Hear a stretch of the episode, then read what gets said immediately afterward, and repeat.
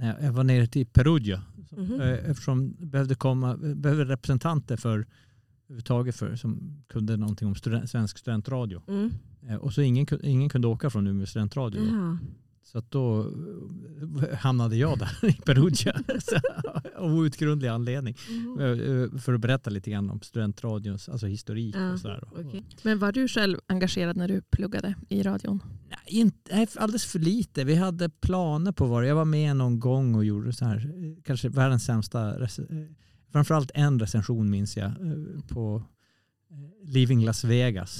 Den är så, den är så dålig så att och, den måste absolut förstöras om den skulle vara lagrad. Min förhoppning är att det Men det finns kanske i arkivet. Ja, förhoppnings, Oh, förhoppning, förhoppningsvis inte.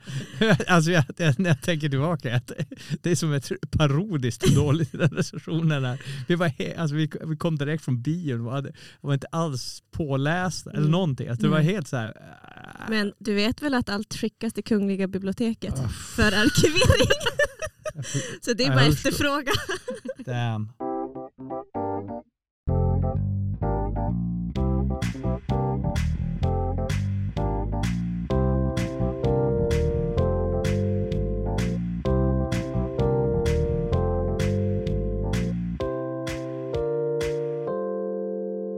Vi sitter ju med dig Jesper Enbom här i poddstudion. Du är lektor i medie och kommunikationsvetenskap på Umeå universitet. Och vi har ju tänkt prata om hot och hat idag Mm. inom det journalistiska yrket. Yes. Mm.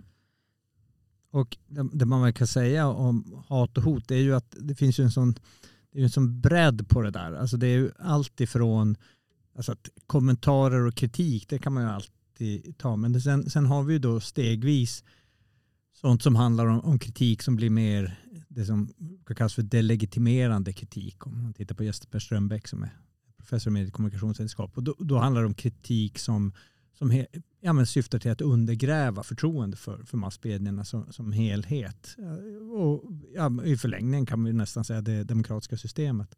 Men sen gå, övergår ju det i sin extremform också till, till, till, till verkligen hot och, och hat som, där det till och med finns vålds, en- till och med våld i grunden. Mm. Det finns ju då exempel på hur till exempel NMR, Nordiska motståndsrörelsen, har, har gjort olika typer av där de har inhägna institutioner och, och, och sagt alltså att det ja, men försökt spärra, spärra av dem så att säga. Och det är ju ett, ett uppenbart hot. Och sen har vi ju till och med då, ehm, då Almedals terroristen som han väl nu kallas eh, hade ju också ett, ett hat mot public service och, och rätt mycket är ju riktat just mot public Mm. service Mm. faktiskt. Vilka typer av kommentarer eller kritik går inte in under, eh, under hat? Då? Typ om, man, om man är journalist och är aktiv, vad, vad, kan du bara ge något konkret exempel? Var drar man den där gränsen? Kan man skriva du är, du är dålig, det här var sämst? liksom, det måste man ju kunna ja, säga. Det där är, ja, exakt. Och det, det, och det finns ju alltid, den mest, eh, om vi tar sån här kritik som man kan se eh, som- som ja, men kanske är rätt bra, det är ju någon som skriver in och säger, om vi tar så här, typiskt lokaljournalistik, då, då det ju, står det i tidningen att det har skett en bilolycka i den och den korsningen. Mm. Och då har någon skrivit in en kommentar och Mm. säger att nej, det, var ju, det, där, det där har ni fått om bakfoten. Det är Mm. ju den här korsningen Mm. istället. Mm. Ja, och Det är mer informativt. Ja, Liksom, exakt. Och det, och det, exakt. Och det, och det finns ju där hela skalan. Och det, Mm. det finns ju inte, det är svårt att hitta då den exakta, eh, utan det är ju det är ju en bedömningsfråga vart Mm. det finns. För det, det finns ju då hela skalan. Och det, det är ju helt rimligt också att om någonting har blivit fel i massmedier Mm. att, att gå Mm. in och, och, och rätta det. Men sen är det ju också hur det här görs. Och jag skulle vilja säga att det som det legitimerande kritik det är ju det är sånt som antyder att det finns någon form av konspiration. Alltså det, Mm. och, och det finns ju grupper som, som ja, man kan ju ut och tycka att det, det legitimerande kritik är ju, är ju kanske rimligt om man tycker att systemet är korrupt. Och och om vi tar eh, Ryssland till exempel under Putin-regimen så Mm. väl, eh, det legitimerande kritik är väl rimlig där. Men då måste vi ställa oss frågan, tycker vi att det är så i det svenska samhället? Mm. Eh, en del av dem, den kritik där man till exempel använder sånt som talar om statstelevisionen och public service. Det är ju, det är ju, statstelevisionen det är ju att antyda att det på något sätt skulle vara då den, den styrandes förlängda röst. Mm. Och vi har, ju, vi har ju organiserat public service för att det inte ska vara det. Nej, men det är en, ett, kanske ett, ett missförstånd som finns i samhället att det är det som då de här rörelserna eh, utnyttjar kanske. Precis. Och när du säger rörelse så är det ju ofta det här det handlar om. Att, vi, att det finns rörelser som försöker kanske påverka vad som ans, vad, vars mitten ska befinna sig i svensk politik. Eller på något sätt, vad som Mm. ska vara legitimt att säga. Och det, det, alltså det är det vanliga. Eller då alternativt också om vi tar alternativmedier så vill de ju ofta öka sin egen legitimitet och det kan de ju göra genom att attackera eh, då eh, övrig, alltså den mer traditionella medier, i synnerhet public service, för att på något sätt få sin egen legitimitet att öka genom att på något sätt hävda att vi talar sanningen medan de ljuger. Mm. Hur ser klimatet ut eh, i Sverige just nu?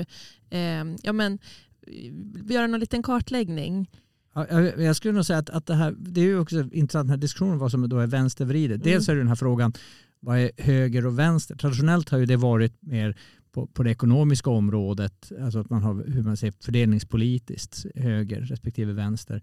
Och där eh, har ju public service alltid varit väldigt noga med att de ska försöka inta en mittenställning och det har ju ofta varit en kritik eh, både från höger och från vänster om, om, om hur, hur de rapporterar om saker. Eh, jag tittade själv på, eh, eh, lite grann på hur rapporterade då, eh, medierna om, om den ekonomiska krisen i början av 90-talet. Och den påverkades ju rätt mycket av rådande föreställningar om ekonomi som var väldigt mycket nyliberala, den typen av, av inslag som är politiskt närmare då åt höger. Eh, och, och samtidigt så kun, kan det ju vara att, eh, journalistik som rapporterar om några som har dåliga arbetsförhållanden. Det, det kan ju då uppfattas som vänster. Men det är ju också att, att journalistiken har det här att man ska ha ett underdog-perspektiv. Och, och, alltså att ställa sig, på, på, ställa sig mot makten. Och det, det kan man ju säga, det, det kan ju då uppfattas som vänster. Men, men sen är det ju också en sån sak att, att det har ju, de här frågorna har ju då förändrats. Det är just nu de senaste åren så har det ju talats om att, att det snarast har varit ett kulturkrig. Alltså att det har varit sådana frågor som har, har hamnat i fokus. Och, och i det här ligger ju då att, ja men, om vi tar då grunderna för public service.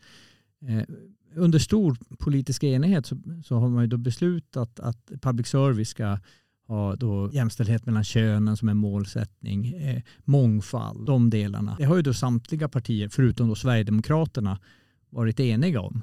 Eh, sen kommer då Sverigedemokraterna in i, i riksdagen, fortfarande som ett ganska litet parti då 2010. Och det förändras ju fortfarande inte. Men det är ju någonting som har hänt under senare år där då plötsligt det här ifrågasätts. Då kan man väl säga att då var ju alla, då var ju, ur det här perspektivet så var ju även de moderaterna vänster. Då fram till Reinfeldt. Ja men till exempel flyktingpolitiken. Alltså där, där har ju det, det klassiska för, för en del ökända då eh, talet av, av eh, Reinfeldt han talar om att, att vi måste öppna våra hjärtan. Det är ju inte så många år bort egentligen i ett, ett historiskt perspektiv.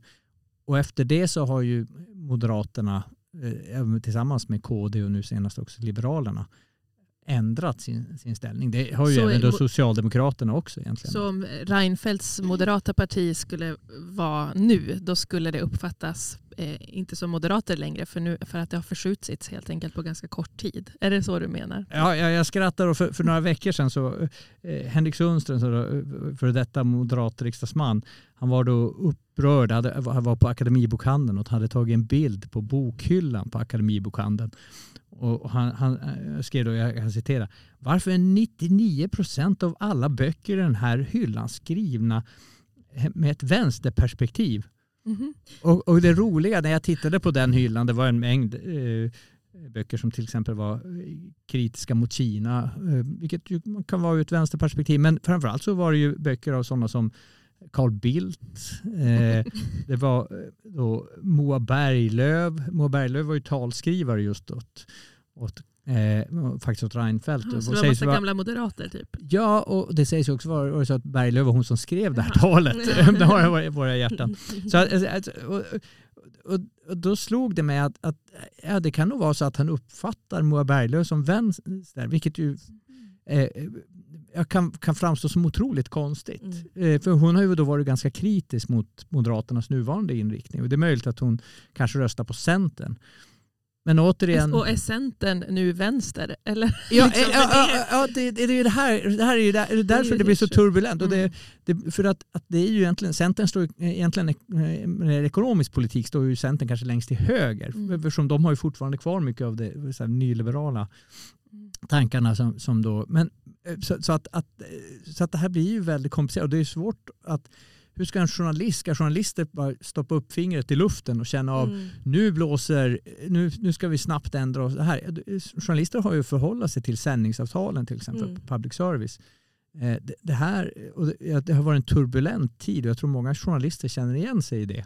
Mm. Och, och, och under den här perioden så är det ju så att det har ökat väldigt kraftigt. Eh, från början så är det ju den här de säger, den delegitimerande kritiken mot, mot till exempel public service kommer ju initialt då från SD som ju har en ganska rätt oförsonlig inställning till, till public service Mm. eftersom det också går emot mycket av deras grundvärderingar. Men det som har hänt under de senaste åren det är ju att det har plockats upp mer av, av de etablerade partierna på högerkanten. Eh, Mm. Och det är väl en, en skillnad som vi, som vi kan se och det, det tror jag det, den striden kan vi också märka till exempel på Twitter i de diskussioner som finns mot, mellan eh, etablerade eh, journalister och, och ganska centrala företrädare för exempelvis Moderaterna. Mm. Lisa Röstlund hade ju ett exempel på att eh, medieinst- ett medieinstitut som då postade hennes artikel och skrev att ja, det här, den här kvinnan är ingen att lyssna på liksom, och underminerade alltså Mm. hennes bok eh, Skogslandet och allting och all, Ja. ja. all research hon har gjort Ja, det är en journalist. mm. Eh, om klimatet. Precis. Men, men, men den, det här är liksom det politiska läget och hur journalister idag måste förhålla sig till det. Men om vi eh, plockar, går tillbaka till det här med hat och hot. Liksom hur, har, har du någon bild av hur utbrett är det? Får alla journalister någon typ av hat i sin mejlkorg eller är det vissa journalister som får mer? Jag skulle nog säga att det beror också på vilken fråga det skrivs om. Och det, det som är lite grann oförutsägbart här det är ju att, att det, just i den här, den här, dessa, dessa tider av kulturkrig så finns det olika frågor som plötsligt blossar upp. Plötsligt kan ju till exempel skogen, som Lisa Röstlund Mm. skriver om, bli, bli en, en sån fråga där det blir det, sku, det skulle kunna vara eh, ja men nu eh, om vi då eh, vi hade ju ett exempel i, i då, eh, i samband med Publicistklubben, eh, Publicistklubben och Journalistförbundet hade möte uppe i Skellefteå. Då hade vi, var ju också journalisten som hade rapporterat om eh, var ju ett ganska allvarligt eh, då, eh, menar, en våldtäkt och, och så vidare i, i Skellefteå. Som, som, eh, I somras, Då, ja. Mm, precis som mm. rapporterades om. Och då, de journalister som skrev om det, i synnerhet hon som var med, eh, som jobbar då på eh, som jobbar på SVT. Eh, och de hade ju fått en hel del Mm. angrepp och, fått ganska, alltså, väl, och, väldigt grov, grov kaliber om vi säger så. Mm. Eh, Så att, att det, men det kan ju då vara olika saker. Vi kan ju tänka oss, ja men nu bara i helgen så var det något Lucia-firande här i, i, i Umeå på Mariehemskolan som skulle vara konfessionsfritt. Och det kan ju hända att de, att de journalister som skriver, plötsligt det där kan, kan ju journalister Mm. få kritik om beroende på hur de har skri, rapporterat om det. Ehm, Så om man skriver om ämnen då som upprör som det här våldsdådet i, i Skellefteå där det var, ja, var upprörande på alla sätt och vis. Det, bara det kan göra att hur man nästan, även om man skriver ett bra journalistiskt arbete så kan man få mycket skit. Eller var det också hur de hade, ja, jag menar, så, hur och, man berättar om det? Och det här kopplades också till, det var så var problematiken var att det kopplades till flyktingfrågan. ja. Och, och det är ju där, det är ju egentligen de som skriver om det Ja. som har Mm. kanske upplevt mest. Alltså det, för det är ju så det är. Om vi tar journalister som skriver om ekonomi, de har ju bet- betydligt färre, och det här är det paradoxala, Mm. för det är ju den traditionella höger-vänster-frågan. Och där är det väldigt lite av det. Så det, det är ju Mm. konstigt så att egentligen är, kan man ju säga att höger, höger-vänster eh, och, och diskussionen kring det är rätt svag, om vi tar Ja. det i, i Det- traditionella termer. Det är mer den här Galtan-skalan då kanske som är aktuell. Ja, och det, det är de frågorna som, som vi gör. Det, det är våldsbrott, i synnerhet om det går att koppla på något sätt till invandrare. Det, det är kop- alltså överhuvudtaget flyktingpolitik, eh, migrationsfrågan. Eh, det, är väl, det är de frågorna som är, är, är tydligast. Och sen kan det vara frågor som har på något sätt anknytning till det här. Eh, vi- klimatfrågan är ju en, en sån här som har Minoritetsfrågor kan jag tänka mig. Mm. Eller, Absolut, Ja. och, och, och vi, vi har ju exempel på det. Det hade vi också i samband med Publicistklubben och det är ju eh, då, eh, då de samiska mediernas sändningar och att, att de har och det är ju när det är frågor till exempel om småviltsjakten som, som frågor där det blir skarpa konflikter helt enkelt. Och det, det kan ju också vara frågor av lokal karaktär. Mm. Eh, Nu, nu riktas ju ofta det där mot beslutsfattare. Men det kan ju också vara så att eh, om journalisten har gjort ett visst reportage så ska, kan det vara sånt som det är som, alltså som uppfattas ta ställning i en viss fråga. Till exempel eh, mot för nedläggning av en, en byskola som, Ja. som vi tar här, Mm. som, som kan vara väldigt infekterade frågor. Mm.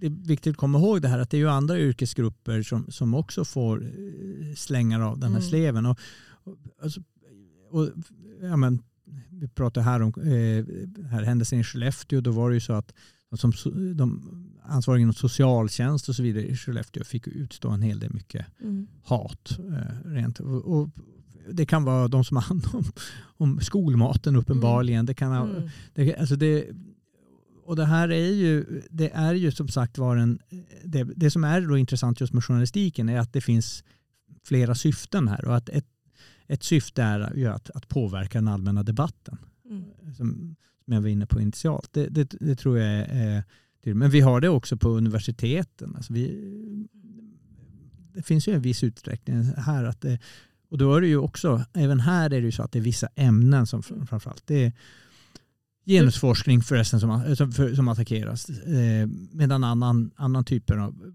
eh, inte har alls samma problematik med. Du menar att de som skickar hat eh, och kommentarer vill påverka den allmänna debatten? Alltså att de har det syftet med sig? Mm, liksom. de, det, det är syftet med det, precis. Och, det, och, det, det, och, och, och, och på två vis då. Alltså, dels som att försöka få genom att eh, på något sätt försöka få journalisterna. eh, Det, här är ju en lång, det här är ju en ganska lång tradition. Alltså det, och vi tillbaka till 80-talet så, så var det ju så att, att eh, organisationer och sånt där som ville försöka påverka debatten hade här, nummer som skulle ringas in till klagomuren. För, för, alltså, och också så här brev, hur anmäler man till granskningsnämnden och Mm. till pressens opinionsnämnd. Alltså det, men det som har hänt nu det är ju att det här går att organisera på ett helt annat sätt med nätet. Det är ju den, alltså, den, här, den tekniska utvecklingen på, på medieområdet har ju fört mycket positivt med sig men det har ju också gjort det möjligt att organisera sådana här kampanjer på, och, och, på ett mycket mer effektivt sätt. Och på Twitter så finns det ju när, det bombarder, när journalister bombarderas på Twitter så finns, finns det också inslag av att det, jag menar, jag menar, att det sitter folk som inte bara har ett konto, hör och häpna, Mm. Ja. utan de har flera konton. Mm. Nej, men, och, och, och verkligen bombarderar. Och, och, och, så, så det här, det är ju också det som har gjort eh, Twitter till eh, så problematiskt. Det är ju ett intressant medium men, men Mm. oerhört problematiskt. Men när du, när du säger det där med att man kan ha flera konton och man kan liksom sitta och skriva hur mycket som helst. Hur ser liksom de här sociala normerna ut kring hur man får uttrycka sig? Har vi liksom förskjutit typ diskursen och det språk man får använda gentemot både liksom offentliga personer men också ja, men experter inom vissa områden och forskare? Ja men absolut, eh, visst är det så.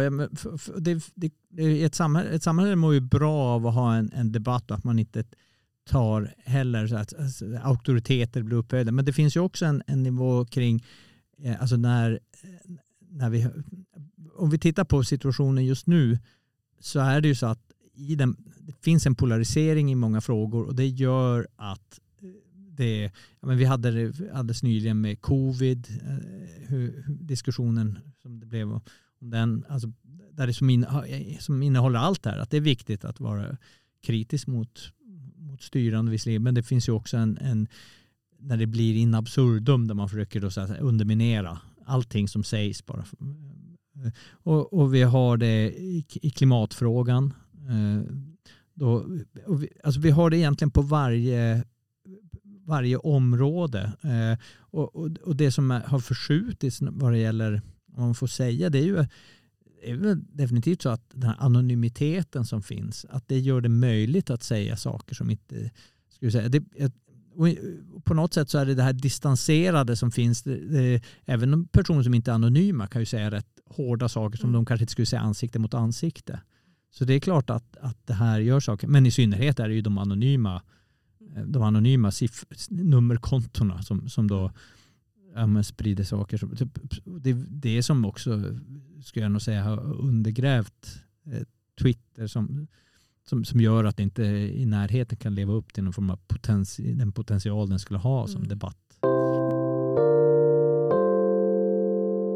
Men vad tror du att eh, det här hatet kommer ifrån? Ja, men vi pratar om olika rörelser men sen finns det också ja, men vanliga haters eller vad man ska säga som sitter på sin mm. kammare. Um, för jag läste på lite om ja, men det här med hot och hat just inom journalistik och hur det ser ut just på nätet. Och då fanns det liksom en undersökning som visar på att ja, men en del av det kommer från den här incelsrörelsen eller det som, att det finns en manosfär på nätet. Vad tror du om, om det? Ja, men det tror jag alltså definitivt. Ska vi förstå det här så är det, det är en del av det, det eh, en teknisk utveckling. Men jag, jag, tror att vi behöver också se det som en helhet. Alltså om vi tittar på de politiska förändringarna och de, de politiska slitningar som vi har, inte bara i, i, i Sverige och inte bara i, i västvärlden. Alltså vi, vi, har ju sett i USA exempelvis. Vi ser det ju i andra länder också som i Indien till exempel. En, en ganska eh, hård alltså nationalism. Och, och det, det, handlar ju också om, i grunden, tänker jag, om att, att, eh, hur det ekonomiska systemet just nu fungerar eller inte fungerar. Alltså att, att eh, vad, vad vi har en, en utveckling där Ja, men där vi, vi har, en, där vi har haft en, en rad förändringar. Vi har eh, globalisering, rörlighet över gränserna. Vi har haft en, en utveckling där traditionella då, ekonomin fungerar traditionellt, det har brutit sönder och under flera decennier här eh, där, där den här jag menar, en liberalisering av ekonomin har, eh, gjort, har slagit ut väldigt mycket av, av traditionella industrier. Och de som har tappat både eh, alltså, alltså, de grupper som har tappat är ju en, en, viss, en stor grupp män så att säga, som, som har hamnat i en, en situation där de ja, men där deras position har undergrävts i ekonomiska systemet. Eh, samtidigt så har, har man ju då eh, har grupper som då tidigare var underordnade i patriarkala strukturer har flyttat fram sina positioner. Om vi, om vi ser från, från, inte minst från, ja, men det är egentligen under, ett, under hund, över hundra år, men, men om vi tar sedan mitten av 60-talet så har ju till exempel den, den feministiska kritiken gjort, fått genomslag och vi har ju förändringar i ekonomiska systemet där som gör att kvinnor förvärvsarbetar mer. Vi har, vi har alltså en, en mängd sådana här saker som, som då eh, som, ja, som tillsammans skapar en form av perfekt storm där, där incels är väl det, det mest tydliga uttrycket. Alltså, incels är ju i stor utsträckning män som tycker att de, att, att de hade förtjänat någonting bättre eh, på alla plan så att säga. Både i, i i deras yrkesliv och i deras så du, sexuella... Så det är inte bara liksom att kvinnor har fått högre positioner och mer rättigheter utan du menar också att det pågår också en ekonomisk utveckling som gör att de här samma män då kanske mm. har, också, har också sämre för de kanske har, har det sämre ekonomiskt eller?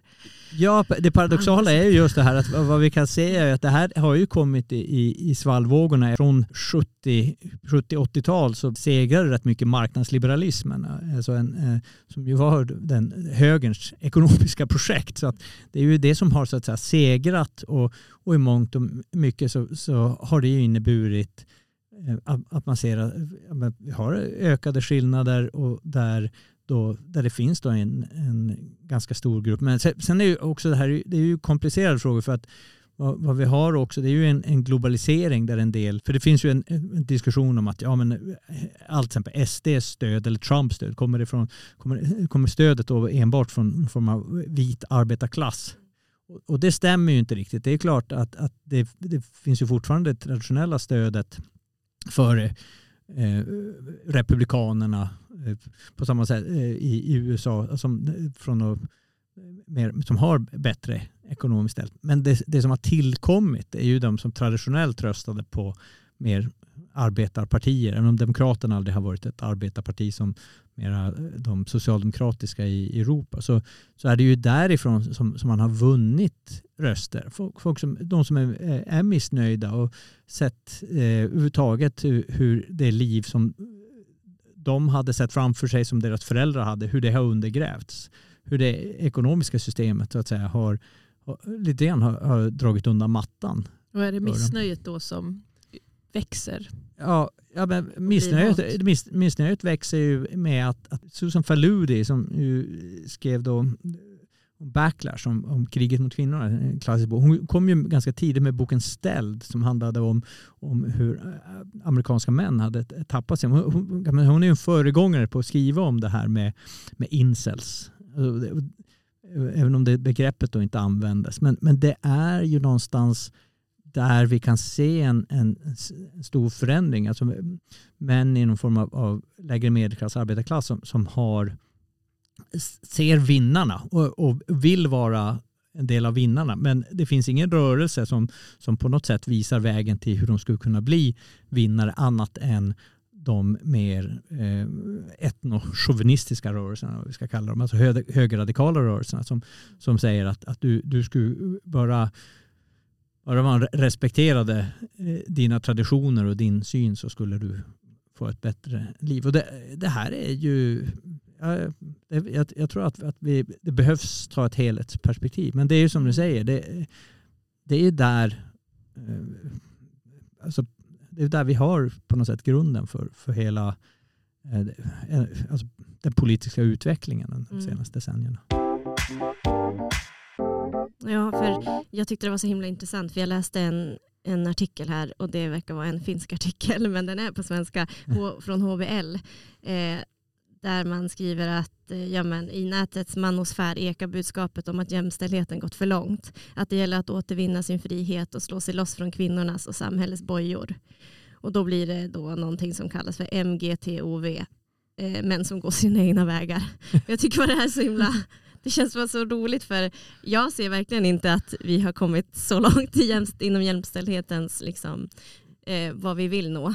Nej, nej och här, här kommer den här paradoxen in att, att de, de män som är framgångsrika, de är väldigt framgångsrika. Mm. De är Elon Musk. Ja. Nej, nej, men, men de är där och, och, och, så att där kan vi fortfarande se de här och, och hela den här hierarkiseringen och skillnaden som har ökat. Det som är det är ju att de som inte befinner sig bland de självklara vinnarna. Mm. Utan de som snarare ser då eh, hur, menar, hur, hur, de får faktiskt sämre än vad deras föräldrar hade. Mm. De männen, de, det är där, de, de känner ju inte att när de tittar då, då känner de ju så här att, att Nej, det är ju inte vi, vi styr ju inte längre. Mm. Men det, det låter ju väldigt mycket det som samma, på samma sätt som man brukar prata om invandringskritiken. Då, att man ser andra som kliver in. Alltså det blir en enkel kanske matematik i huvudet. Att, mm. ja, här är problemet. Ja, och, det, och, sen ska man ju då säga, ska man då på något sätt säga någonting till deras försvar så är det ju ingen som artikulerar något annat för mm. dem på, på allvar. Så alltså att, klart man kan tycka att, att, de, de borde, alltså att de borde fundera på vad, vad är situationen, hur ses, att de borde, borde kunna göra en samhällsanalys där de ser vad som har hänt och, och och sätta sig ner och fundera ett ögonblick. Men, men det är klart att, att det eh, är, samhällsförändringar är ju, komplicerade saker. Men där krävs det väl kanske att, att, det, att vi tar en diskussion. Det är ju så här att det finns ju politiska rörelser som vill utnyttja deras ilska. Och det är väl det är ju upp till dem så att säga. Och det är en fråga om, om tycke och moral. Men, men då kan man ju då det, det som är misslyckandet är väl de alternativa rörelser som har misslyckats med att artikulera den här ilskan och, och försöka få den, kanske i, i, i, i mångt och mycket är det inte, all, det är inte alltid så konstruktiva banor det här. Nej. I synnerhet inte de som bara sitter och skriver in hat och hot till journalister. Nej. För att föra tillbaka det till, till grundfrågan. Så att det, det, det är väl någonstans där man, man skulle kunna önska. Om vi tittar då på de rörelser som har utnyttjat det, sådana som att Republikanerna i USA tycker att det, det är rimligt och att, att vi faktiskt har då SD men även då andra partier till höger idag som, som, som egentligen eldar på det här. Eh, jag menar, det är ju deras fria rätt att göra det men det, samtidigt så ska de ju vara medvetna om att de, de leker med elden. Mm. Eh, det, visst är det så. För att någonstans, det, den här liknelsen används ju ofta, det här med att, att den som rider tigern hamnar lätt i dess mage. Det, det, är, det, är, det är just det de, ska jag säga, det de gör just nu. Efter valet här så var det ju en sverigedemokrat, nu kommer jag inte ihåg vem det var, som sa det här med journalistrugby. Eh, att nu ska vi ut och köra journalistrugby. Att man, ja, och så blev det en, en debatt om att eh, eh, är det, är det det här liksom förhållningssättet som politiker har nu? Att man ska bara gå ut och tackla, man ska inte svara på några frågor, man ska bara slå ner dem. Liksom. Eh, vad tänker du om det? Är det ett, är det ett allvarligt problem att eh, vi har högt uppsatta politiker som ser på det sättet på journalister? Eh, I, sig så det som kanske förvånade mig mer det var ju ah, eh, att det så snabbt togs i försvar av, av företrädare för medierna. Alltså, jag tänker då framförallt från Svenska Dagbladets ledarredaktion. Det, för- hur, hur då? Vad- Jag minns inte. Eh, eh, Ja, nej, men eh, vad de gjorde var att men, peka på att nej, men det här är väl rimligt och att det är väl bra om kaxiga journalister plockas ner lite grann. Och det, vilket i sig så var den här frågan tyckte jag var min, alltså igen på ett sätt mindre problematiskt än det här dagliga attackerna på, på medier utifrån olika reportage. Alltså där som mer handlar om att som vi var inne på, delegitimera. Det här var ju det här är möjligt att det sades med lite glimten i ögat och fine, men det, det är ju det som är, jag, jag, jag tänker mig att den, det, den, det stora problemet eh, som vi har det är ju den här, eh, det, det här ständiga påståendet till exempel att, att eh, public service skulle vara statstelevision. Och vad jag menar med det, alltså för, i förlängningen, det, det jag oroar mig för, det finns ju en hel del i Jesper Strömbäcks eh, Ehm, text som han kom ut för några veckor sedan. Three major threats to Swedish public broadcasting, increasingly politically contested. Eh, och den här, det, det han pekar på, jag håller med honom i det, det är att vad som händer när, när då medierna och då i det här fallet public service ständigt eh, menar, utsätts för delegitimerande kritik. Det är ju också att de som gör den här, de som kommer med den här kritiken som ju är ja, men till exempel då eh, riksdagsledamöter, inte bara från SD utan från, från Moderaterna, KD och numera även från Liberalerna. Det är ju att de själva börjar uppfatta då det här som statstelevisionen. Och, och det finns sådana här tendenser till, alltså när man tittar till förslag som är på gång, alltså att på olika sätt då utöka den politiska kontrollen över public service. Och det, det är då jag blir väldigt orolig. Alltså att, att om, om, om de uppfattar då, så att säga, public service som vänster, då är ju risken att de tänker ja men nu har vi ju vunnit regeringsmakten. Nu ska public service dansa efter vår pipa. Och, och, och då tror jag vi hamnar i ett farligt läge för det är inte så public service är tänkt att fungera. Jag oroar mig också i den utsträckning att, att journalister nöts ner i det här och börjar uppfatta världen som... Jag, menar, jag tror att det är viktigt för journalister att ha det här historiska perspektivet och se att saker och ting förändras. Så att om de nu skulle börja snabbt försöka anpassa sig efter rådande, den, den kritik de får, så finns ju en risk att de framstår som, som, som eh, att, att det de har gjort journalistiskt kan framstå som ganska märkligt om tio år om det är en mer nyanserad bild igen. Mm. Just det här infekterade klimatet, eller när du nog faktiskt hålla huvudet kallt och, och fundera på, det, inte låta sig dras med, eh, inte, i synnerhet eftersom det vet vad den här kritiken egentligen det gäller att vara medveten om varför den här kritiken kommer. Att Mm. det är någonting på samma sätt som det på 80-talet kunde organiseras då kritik med, med inringningar till klagomuren så är det här ju organiserad kritik i mångt och mycket.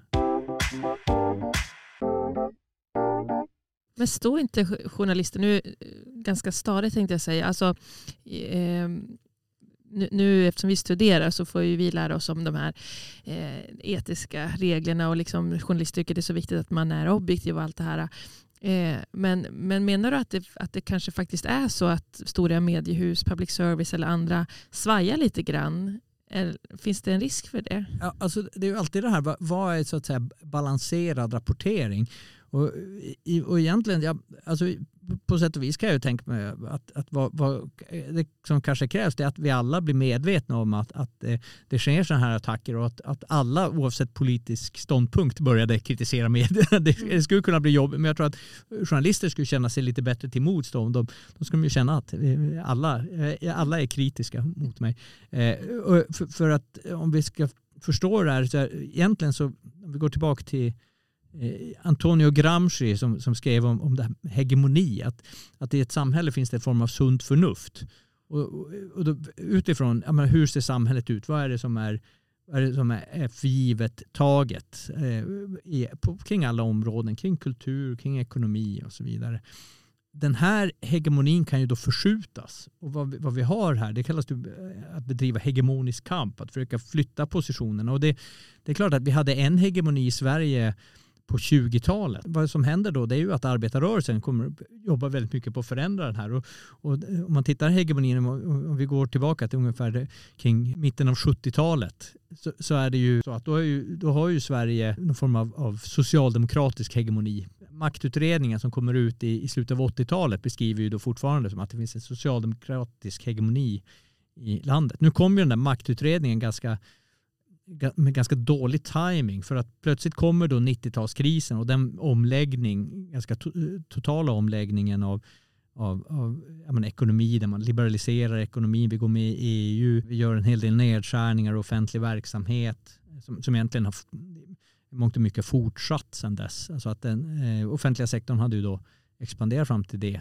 Eh, ekonomiska skillnaderna har ju ökat. Vi, vi, 1980 var ju skillnaden som minst mellan, man tittar eh, löner för, för de som eh, traditionella arbetarlöner kontra vad en vd tjänar. Mm. Det är, ju, det, är, det är ju 1980. Sen dess har ju den här skillnaden ökat. Så nu, eh, för varje år som går så tjänar ju en vd mer än vad, betydligt mer. Alltså att den, den mm. skillnaden, så, så att så att vad, vad, vi har är en sån, en sån förskjutning av, av hela av samhället egentligen. Den tog till och med sin fart tidigare i andra länder som Storbritannien och USA. Så, så att, att, den, här, den här hegemonin den, den förskjuts ju ganska snabbt på, på 90-talet. Och sen så har den väl legat stadigt. Då, då fanns det nog en tanke att, att frihandel, globalisering, fri rörlighet, det som, som genomsyrar EU det var ju de dominerande tankarna. Vi ska, vi ska ha en fri rörlighet för, för, människor och det är ju också det som vi backar tillbaka till Reinfeldt. Öppna våra hjärtan. Mm. Tanken, eh, den, den dåvarande borgerliga regeringen under Reinfeldt ökade ju arbetskraftsinvandringen till exempel och gjorde det eh, Tidigare hade ju då fackföreningarna fått möjlighet att, att bromsa den genom att säga att det behövs inte arbetskraftsinvandring. Men det, den togs ju bort så att säga. Eh, den, den möjligheten för facken att påverka och, och hela, eh, alltså att, att varor och tjänster skulle röra sig fritt. Och vi, alltså liberalismen hade ju då segrat. Och att, att idag se hur liberalism, hur man talar om liberalism, det är ju ett tydligt exempel på hegemonin. Att liberalism uppfattas nu som, som på något sätt ett vänsterperspektiv. Mm. Då, då ansågs det ju vara ett högerperspektiv. Och, och, och kan ju fortfarande betraktas egentligen som ett högerperspektiv. Men och där har vi hela den här omladdningen av, av hur Centern plötsligt betraktas som vänster. Som ja, är. det är väl därför Liberalerna är ett lite oklart parti just nu också. ja, varför bytte de namn från, från Folkpartiet? Det hade varit ja. mycket enklare att förstå att de ja. kallar sig Folkpartiet, men mm. att de kallar sig Liberalerna och samtidigt då är kritiska mm. mot grundpelare alltså ja. inom liberalismen. Det brukar väl sägas det att, att, att själva grundpremissen för att vara folkpartist är att vara splittrad. Men du, tillbaka till det här med ja, men konsekvenser och liksom av hot, det hot och hat som sker både mot journalister men också det som sker på nätet. Hur ställer man de som sitter där hemma eller de bottar eller de konton som sprider hat, hur kan de ställas till svars? Finns det några konsekvenser för dem? Stopp för ja, hur får man fatt på dem ens när det sker på nätet mycket? Ja, det, är det, det något för rättsväsendet? Ja, alltså, det här är ju problematiskt. Alltså för att det, det vi har är ju också en infrastruktur för det, det politiska samtalet på nätet som, som ju faktiskt eh, alltså, eh, är, ligger i händerna på, på stora transnationella medieföretag, medieplattformar. Mm. Alltså det, det, vi har Facebook, vi har Twitter. Mm. Och, och det som inträffade för några veckor sedan med, med Elon Musks då, köp av Twitter, det har ju, jag har fortfarande inte fått, eh, kunnat ta, få någon fullständig överblick om vad, vad det kommer innebära. Men en sak är ju uppenbart och det är ju att ett antal konton som hade stängts ner just för hat och hot har ju nu eh, Musk sett, sett till att, att de ska få vara verksamma ut, under en flagga av, av att eh, allting ska vara fri, fri, fritt. Och så, att, och, och, en anarkistisk tanke nästan. Att ja, ja men precis. Så lite grann här, eh, på något sätt information wants to be free-tanken ja. som var klassisk när eh, internets, internets barndom. Och, och, men troligtvis också av ekonomiska skäl skulle jag säga. För att det, mm. det här är ju sånt som blir, har visat sig vara ganska, det driver trafik. Och det, och nu kommer vi in återigen på det tekniska spåret. För det är ju tydligt att, att hur de här plattformarna är organiserade, alltså affekt och ilska driver trafik. Alltså det mm. engagemang driver. Det, och, och, och, det här är ju egentligen den stora svårigheten. Alltså om man tror på en offentlighet, alltså hur, hur ska en sån här offentlighet organiseras? Mm. Och är den offentligheten ens möjlig under de här omständigheterna? Facebook har ju då försökt det här med att, att, att konton i alla fall ska eh, ska vara legitima så att säga. Mm. Det är väl en av de här få, alltså en möjlighet som fortfarande inte kommer att göra kommer eh, till bukt med eh, alla problem. Men, men en sak vore att, att, att få bort den här sättet att anonyma konton sitter och mm. bombar in. Alltså just mm. utifrån det, den problematiken vi talar om. Att det, mm. eh, människor som är, sitter i en källa och är, är förbannade på sin omvärld kan ju då ha hur många konton som helst och vara hur aktiva som helst.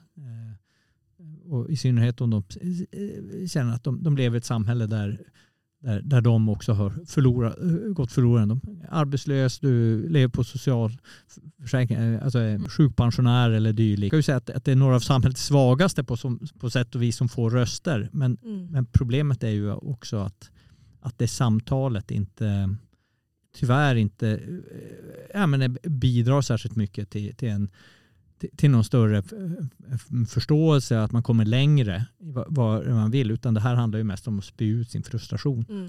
Och de som vinner på, på de här hat, eh, både enskilda liksom hatkampanjer eller lite större rörelser, det är alltså dels de här plattformarna som tjänar pengar på trafiken, men också som du var inne på förut, kanske de här politiska rörelserna eller de som vill ha samhällsförändring som ser det som, jag tänker på Sverigedemokraterna till exempel, mm. att det är positivt för dem att det sitter massa och, och liksom, eh, agerar i någon slags eh, och förflytta de här gränserna. Ja, precis. Och, och vi ska inte bortse från möjligheten att det är sådana som också vill vara samhällsbevarande som tjänar på det här. Alltså att Alltså att man vill inte ha en förändring. Det kan, det kan ju också mm. vara så för att de här, den här ilskan och frustrationen de här personerna känner, om de hade kanaliserat den för att de ville förändra sin egen situation. Mellankrigstiden och i synnerhet i samband med stora depressionen var ju också en här eh, tid av turbulens. Då var det ju så att många människor hade ja, men plötsligt blivit, ja, men det, jordbruken var inte lönsamma. Man flyttar in till, till städerna för att arbeta inom industri. Plötsligt slår den stora depressionen till och mängder människor blir arbetslösa. Det är en frustration över att man, livet på något sätt. Man, man, plötsligt är man onödig och behövs inte längre. Och i sådana här tider så är det ju svårt. Alltså hur ska, hur ska det hanteras? På, vi, mm. på vilka sätt görs detta? Och, och det kommer att finnas politiska rörelser som vill utnyttja den här frustrationen på olika sätt. Till, till olika typer av samhällsförändring eller samhällsbevarande. Och det, det, jag skulle säga att vi, vi ser en sån tid nu att de som har varit framgångsrika är ju de högerradikala. Mm. Eh, som, som ju i, i grunden vill egentligen upp, bibehålla nuvarande samhälle. Eh, försöka motverka eventuella förändringar. Eh, det, det, det är ju rätt tydligt och det är ju också därför som, ja, men, som, som man har de, ja, men, Republikanerna till exempel, att de har inlämnat Trump och hans, eh, och hans kan man säga, rörelse, Mm. MAGA-rörelsen. Och, och också att vi har det samarbetet vi ser i Sverige i, med, med nuvarande regeringen och SD. Och, också hur eh, Tories i England anammade Brexit-rörelsen. Och gjorde det. Och, det var ju väldigt tydligt just med Storbritannien hur, hur de hur Tories, de konservativa, gick fram och lyckades vinna eh, traditionella arbetarklass, arbetarklassvalkretsar. Eh, och, och, det är ju egentligen först nu under de senaste månaderna när, de plötsligt, när, det plötsligt hamnar, när ekonomin hamnar i fokus som, som de konservativa har förlorat. Så länge det handlade om Brexit och mer om, säga, Mm. kulturfrågor och kulturkrig så, så, så vann ju de konservativa väljare. Så att det är väl också vi- vilka frågor som artikuleras i den offentliga debatten. Men hur ska vi sammanfattningsvis, hur ska vi tänka då som ja, men om ungefär ett och ett halvt år ska gå ut i yrkeslivet och kanske kommer bli utsatt för det här och båda vi läser dessutom hållbarhet nu som, som inriktning eller fördjupningar. Så och vi, kommer- kvinnor. Och vi kvinnor, till och med det. Ni, ni, ni, ni är måltavlor redan nu. ja, alltså. det, är- ni, har, ni Alltså- har det här klassiska äh, siktmärket på er redan. Nej, men- ja, nej, men- vi, vi, har några, vi är inte minoriteter i Nej, i alla fall. det är i alla okej, fall just det. Nej, precis. Eh, Men liksom så här, några konkreta tips på hur vi som journalister ska förhålla oss till den här verkligheten. Mm. Alltså, jag, jag tror att en sak det är ju också att, att söka Alltså att se till att inte stå ensam, att man, att man, man stöder varandra och att, att man är att man hundraprocentigt ställer upp för varandra och ser hur, hur, hur det... För, för I mångt och mycket som journalist så blir journalist blir ju rätt beroende. Jag menar, de här samhällsförändringarna, det är, de försiggår ju på något sätt. Det är ju det är politiken, det är ekonomin, journalistiken hamnar i läget att vi ska rapportera om det här. Och så. Och det, så det, det här är ju en... en jag, så jag, jag skulle vilja tipsa att, att, att stå rakryggad och hålla, alltså ha den journalistiska integriteten. Att, att, alltid, att se till att alltid vara alltså, saklig, det de klassiska verktygen inom journalistiken. Men också att, att få stöd av andra. Att man träffas, om inte annat på en after work. Det kan vi notera. Ja, ja men, men jag, jag tror det och, att, och jag tror att det är viktigt att, att stödja varann Mm. eh, och, och, och ha för att det, det kommer att blåsa hårt under en tid. Alltså det, det, det är jag helt säker på. Och jag tror inte att det har blåst över om ett och ett halvt år. Det, det kan vara saker... Alltså, så här, om, om vi tittar hur det har sett ut historiskt. Vi hade ju... Eh, i början av 90-talet så, så kom ju ett högerradikalt in, parti in i, i riksdagen eh, i form av Ny Demokrati. Och de kollapsade ju ganska snabbt efter att de hade fått politiskt inflytande. För att, att det finns en inneboende motsättning i den typen av, av Mm. högerradikala partier. Och det är ju att försöka gynna dem. Att både upprätthålla systemet. Och- anti-etablissemang. anti-etablissemang och samtidigt eh, då upprätthålla systemet och, och det missnöjet som de, deras väljare kom in med. När de började istället för någon form av nyliberal politik, då övergav ju, det, det var ju det som var, ska inte gå in på, på det här, men, men, men, men kontenta var ju egentligen att det här blåste ju över och efteråt, så det är det jag menar, när, sådana som Gellert Tamas och sånt tittade på hur medier rapporterade om politik och invandring under den här perioden så är det Mm. klart att, att en hel del journalistik som kanske lite snabbt blåste med vinden där. Mm. Och, och, och det är att försöka stå stadig och försöka se med, med nykter blick på vad är det här? Alltså, vad, vad är det som inträffar här? Och det, och det är det, ena grunden. Och den andra grunden är ju att, att söka stöd varann, eh, men också ha den historiska blicken. Jag tror att det är viktigt att försöka sätta sig in och förstå. Ja, men det, här är, det här är ett historiskt skede. Det, det kan se, det jag rapporterar om nu, det jag skriver om nu, skulle jag kunna stå för det om tio år om det, och, om Mm. det blåser andra politiska vindar. Och, och det är ju viktigt att journalistiken har den Mm. Mm. mera långsiktiga blicken. Att det, eh, att, eh, för det är ju det som är bra journalistik i mitt tycke i alla fall. Nu, nu pratar vi då inte om opinionsjournalistiken för det är ju en annan sak utan jag, Mm. jag, tänker, jag tänker mer på den traditionell eh, precis, nyhetsjournalistik. Mm. Ja, men fina, fina och bra råd, det får vi ha med oss. Ja, tack Jesper Enbom för att du gästade vår podd. Ja, tack för att jag fick komma. Det här var vårt sista avsnitt för den här terminen och nu tar vi lite jullov från podden, eller hur Paulina? Mm. Nu är vi färdiga med säsong två. Ja, gillar ni det ni hörde? Ja, precis. Gillar ni det ni hörde?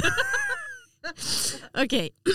Mm. Nej, men om ni tyckte att Jesper var intressant, han har ju både ett historiskt, samhälleligt och journalistiskt perspektiv, så lyssna då på hans podd som han har. Som heter Mediespanarna som han har tillsammans med Erik Lindenius.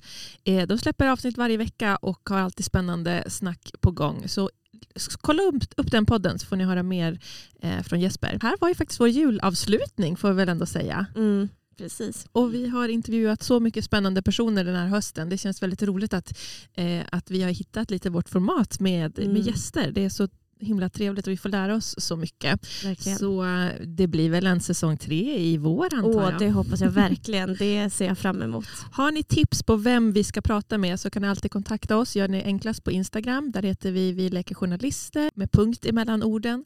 Eh, och så får ni ha en riktigt härlig jullov. Mm, god jul på er alla. God jul, tack för att ni lyssnar. Hej då! Hej då!